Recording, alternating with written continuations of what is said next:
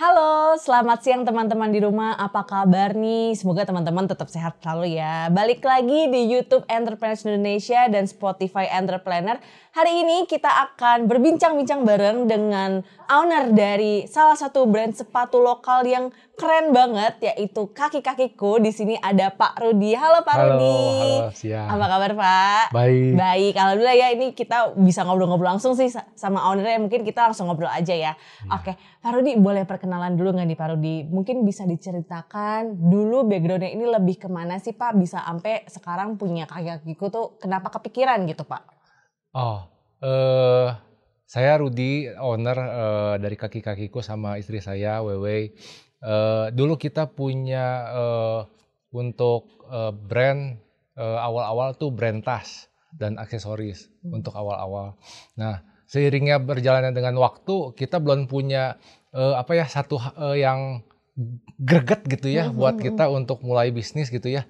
Eh, beberapa tahun cari mencari gitu ya. Akhirnya di 2009 kita punya ide untuk buka sepatu dan sendal. Itu brandnya di kaki-kakiku gitu.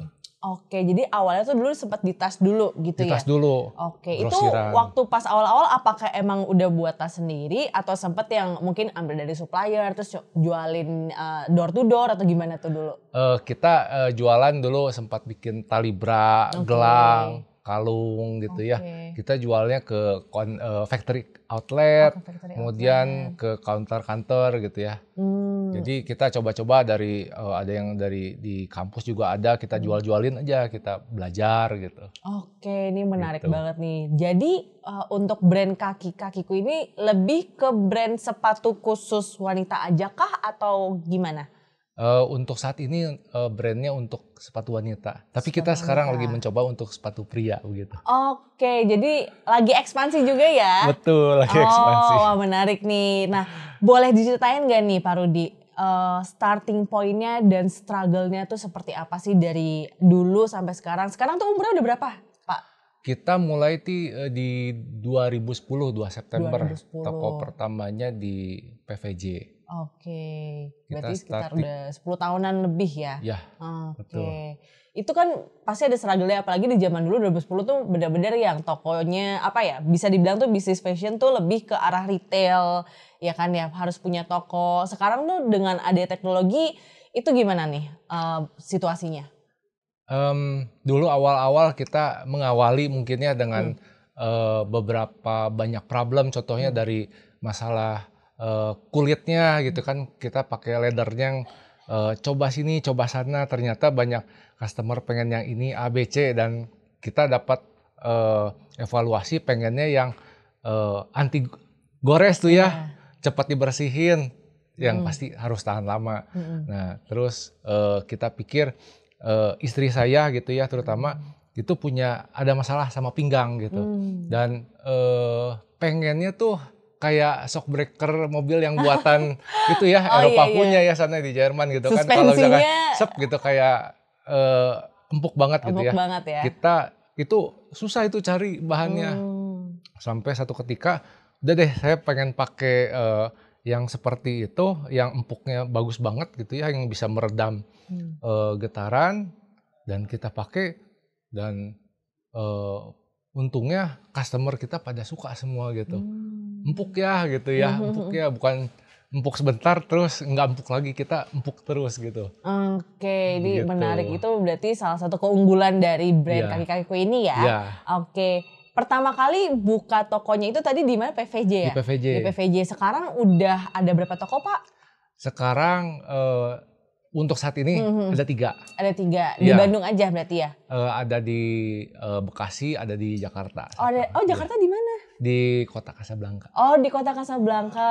Wah Iya. buat teman-teman yang di Jakarta boleh ya nanti mampir-mampir nih ke Kokas ya berarti ya. Aku Iya. juga nanti mau mampir ah mau ngeliat di sana.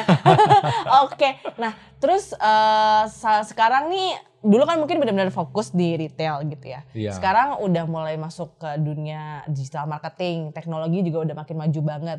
Udah mulai coba marketplace atau mungkin coba jualan di Instagram gitu gak sih?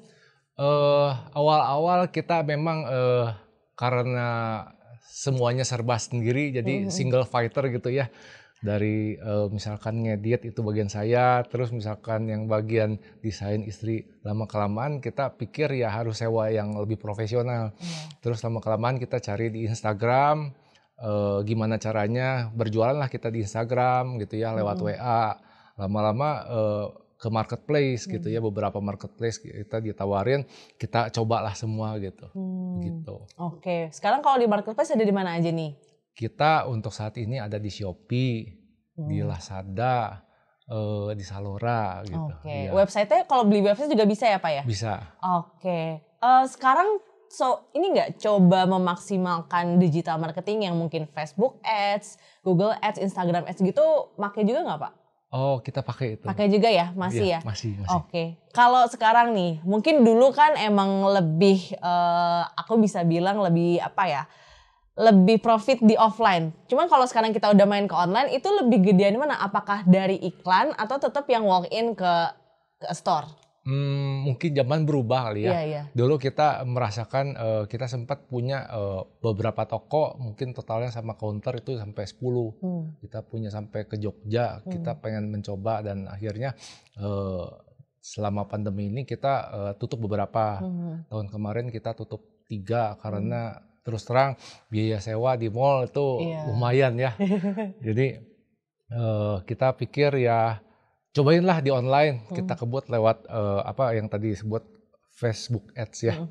Dan uh, kita cobain di sana. Pertama mungkin uh, harganya iklan uh, beda zaman dulu ya kalau di koran gitu ya.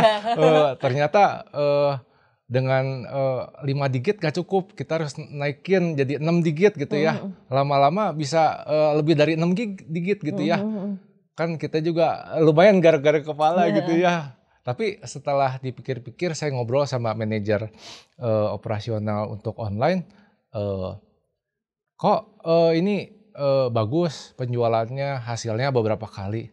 Oh bisa gitu ya gitu kan. Hmm. jadi uh, saya uh, tertarik untuk uh, iklan di online hmm, gitu. Hmm, hmm. Ternyata hasil returnnya itu cukup bagus gitu. Oke, jadi dari Parodi sendiri emang sangat merekomendasi buat teman-teman yang mungkin punya brand juga itu lebih dimaksimalin gunain iklan Betul. di Facebook Ads atau iya. Instagram Ads ya Pak ya. Betul. Karena returnnya cukup tinggi. Returnnya cukup tinggi. Oke, ini menarik nih. Nah, Aku boleh tanya juga nih waktu kita di tahun 2020 pandemi kan sempat tutup beberapa ya. Iya uh, betul. Tadi mungkin Pak Rudi udah cerita juga. Bangkitnya lagi nih kita udah masuk ke 2021 ya. itu gimana cerita ya? Apakah ada kenaikan signifikan berkat ada digital marketing atau gimana nih sekarang kondisinya? Uh, terus terang hmm. yang saya rasain sebelum pandemi hmm. mungkinnya 1 sampai 2 tahun kita udah lebih serius di online. Hmm. Uh, kemudian setelah pandemi ini uh, otomatis yang offline itu, waduh, uh, turun sekali hmm. untuk uh, toko offline sebelum pandemi dengan online itu kurang lebih bisa uh, offline itu uh, menyumbangkan 55 persen. Hmm. Oke, okay. offline nah, 55 persen ya. Jadi uh, online-nya sisanya. Nah itu sekarang bisa uh, hampir 80% tuh di online. Oke 80% di online ya sekarang ya, ya. Kebalikannya jauh ya. ya berarti ya. Hmm menarik nih. Nah ada strategi khusus gak sih Pak? Maksud aku apakah dari sisi sosial medianya itu yang dipercantik lebih ke apa ya organiknya atau konten ads yang dikuatin atau mungkin pernah coba influencer marketing atau nge-endorse teman-teman selebgram? Hmm. Lebih mana works? Kalau saya mungkin dari ini ya, um, kita punya produk sebenarnya. Hmm. Jadi kita punya produknya kayak gimana, tampilin apa adanya, hmm. kita punya keunggulan apanya, hmm. uh, kita tampil di situ okay, gitu. Berarti mungkin lebih kuatin di konten ya? Di konten. Okay. Nah kalau misalkan um, kalau mem mempercantik uh, misalkan tampilan atau gimana, itu mungkin bisa uh, menyusul begitu ya. Tapi customer tetap pengennya tuh kualitas dari barangnya itu uh, seperti yang ditampilkan pengen seperti itu ya pengen yang kayak gitu gitu. Oke, mungkin lebih jelas lagi lebih ke fitur produknya itu ditampilin secara yeah, visual. Yeah. Jadi teman-teman yang mau beli itu kebayang oh kalau aku beli sepatu ini itu nyaman, anti gores yeah. segala macam. Betul, betul. Ah, oke, okay. menarik nih. Nah, uh, kemudian nih uh, Pak Rudi mungkin aku boleh diceritain kenapa namanya kaki-kakiku? Saya waktu itu sama istri sempat uh, berpikir gitu ya, hmm. uh, nama yang unik terus orang uh, yang beli itu ya gampang mengeja atau mengingatnya hmm. gitu ya. Uh, saya pikir ya ini kan urusannya sama kaki, hmm. kaki kiri, kaki kanan, kaki kaki ya kaki saya gitu ya. iya, iya. iya. kan jadi gitu. bolak-balik aja ya, gitu. gitu kan ya. Jadi nggak terlalu susah. Jadi ya mungkin uh, lebih mudah yang uh, begitu gitu ya daripada hmm. yang uh, kesannya gimana gitu terus uh, diingatnya rada susah gitu ya. gitu. Oke. Okay. Nah, kemudian uh, Pak Rudi mungkin boleh share sedikit gak sih kan uh, Pak Rudi ini udah berkecimpung di dunia bisnis fashion ya dari dulu ya aku bisa bilang dari sebelum corona dari tahun 2010 dan sebelum sebelumnya lagi gitu. Uh, mungkin punya pesan-pesan khusus gak sih buat teman-teman yang mau coba terjun untuk buat brand fashion gitu. Apa sih yang harus dimilikin atau diketahui paling awal apakah dari segi uh, marketingnya yang paling penting ataukah dari segi produknya gitu ada hmm. nggak tips-tips untuk membangun brand fashion tuh gimana? Satu hal yang menurut saya paling penting hmm. Uh, customer sekarang tuh cukup jeli dan pintar. Okay. Jadi uh, itu kita harus hargai pasti pertama. Yeah. Kemudian kita passionnya di mana? Hmm. Kalau kita passionnya di uh, fashion A, B, C, nah kita uh, cari informasi dan perdalam ilmunya. Hmm. Kemudian ya nyusul misalkan kita punya Instagram atau Facebook gitu ya mau diiklankan cuman ya bertahap. Hmm. gitu. Kadang-kadang ada orang aduh pengen ngejar waktu gitu kan. Gitu ya. instan gitu ya. Kalau menurut saya nggak ada sesuatu yang instan gitu. Hmm. jadi kalau misalkan saya mulai misalkan dengan ads-nya eh, lima ratus ribu. Wah saya misalkan ada yang berani duit saya banyak gitu ya. Anggap ya anggap ya. Bisa 5 juta atau 10 juta gitu ya. Ya itu welcome sih nggak ada masalah cuman uh, yang saya rasa itu perkembangannya uh, bakal nggak terlalu signifikan gitu hmm. kalau menurut saya oke jadi gitu. intinya teman-teman ini harus bertahap ya nggak iya. bisa instan ada masalah apa pun dihadapi juga ya Betul. kemudian juga harus uh, tahu betul keinginan customer. Iya, ya betul. harus ada risetnya dulu maunya customer seperti apa, suka seperti apa, kemudian kita berikan melalui produk kita untuk betul. fulfillment kebutuhan mereka, gitu ya. Iya. Oke, menarik nih. Mungkin uh, aku mulai masuk ke beberapa pertanyaan terakhir. Ada nggak sih satu momen kaki-kakiku tuh bisa achieve satu satu momen gitu, misalnya wah ini keren banget nih, kita bisa reach misalnya dalam per bulan kita bisa laku berapa pasang sepatu gitu. Ada nggak sih momen-momen kayak gitu atau pas launching mungkin gitu?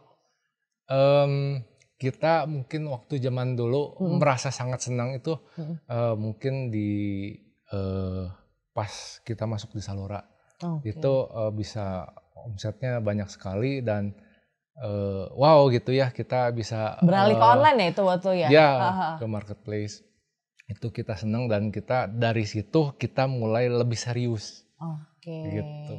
Jadi semenjak beralih ke online dan ke marketplace gitu Betul. kan. Omsetnya naik berkali-kali lipat. Ya. dari situlah benar-benar ngemaksimalin banget digital marketingnya untuk ngebus lagi ya. Iya betul. Oke keren banget nih. Berarti emang teman-teman yang di rumah emang harus coba banget ya pak untuk digital marketingnya betul. ya. Nggak bisa ditinggalin ya pak ya, ya walaupun ya. udah punya toko gitu ya kan. Mungkin ada teman-teman yang idealis udahlah udah punya toko gitu kan. Ya, ya udah ini aja. Tapi sebenarnya masih kita bisa menggunakan iklan atau ads itu untuk mendatangkan customer ke toko kita Betul. Ya kan ya? Betul, betul. Oke, ini menarik banget nih. Nah, aku uh, ini pertanyaan terakhir nih Pak. Boleh nggak Pak kasih pesan-pesan untuk teman-teman di rumah gitu yang yang masih takut untuk memulai bisnis karena takut ditipu, takut capek gitu kan. Modalnya kayak aduh pusing gitu kan harus ngeluarin duit dulu di depan gitu kan. Kasih wejangan-wejangan supaya mereka tuh tetap semangat untuk membuat bisnisnya gitu, Pak. Yang pasti hmm. uh, uh, pesan saya untuk itu kalau punya sekeranjang telur itu jangan ditaruh uh, di satu keranjang itu telurnya. Jadi ditaruh di beberapa keranjang. Kalaupun nanti harus exit, nah keranjang mana yang bisa exit gitu ya. Jadi kalau pecah nggak semuanya pecah gitu ya. Hmm. Gitu. Kemudian ya kita harus patient, terus kemudian kita ya, kalau bisa gitu ya kita punya produk itu punya kualitasnya jauh melebihi harganya. Jadi Hmm. anggap eh, yang dijual 300 ribu, tapi itu kalau dinilai di pasaran gitu ya, kualitas yang seperti ini bisa misalkan hampir dua kalinya, bahkan tiga kalinya masih berani tanding gitu ya. Oke. Nah, karena customer kita pinter gitu ya, eh, pasti mau mencoba kualitas, apalagi produk Indonesia. Iya. Masa sih kalah sama produk luar negeri gitu Iya, kan ya? Iya. Kita harus cinta produk Indonesia. Kalau barang kita emang kualitasnya jauh lebih bagus, pasti kita bisa lewat segala jenis krisis. Hmm. Oke. Saya yakin itu. Oke, jadi benar-benar value dari produknya itu benar-benar mungkin beyond the value. Jadi misalnya teman-teman punya produk yang eh range harganya sekian, tapi teman-teman melalui produknya itu bisa memberikan kenyamanan yang lebih intinya ya. Betul. Oke, dan satu lagi tetap harus belajar juga gitu kan, tetap harus eh, apa namanya pelan-pelan kita belajar menghadapi masalah-masalah yang ada juga ya pak Betul, ya. betul. Oke sabar, sabar teman-teman sabar, Sabar. gak bisa instan, nikmatin aja dulu manisnya pasti akan ada di belakang ya pak. Betul, betul. Oke sip pak, aku thank you banget udah mau sharing-sharing dengan entrepreneurs.id teman-teman tungguin karena kaki-kakiku akan kolaborasi dengan entrepreneurs.id stay tune ya teman-teman di Instagram at entrepreneurs.id underscore dan Spotify entrepreneur juga YouTube entrepreneurs Indonesia jangan lupa follow dan subscribe. Oke bye bye thank you. Oke, bye-bye.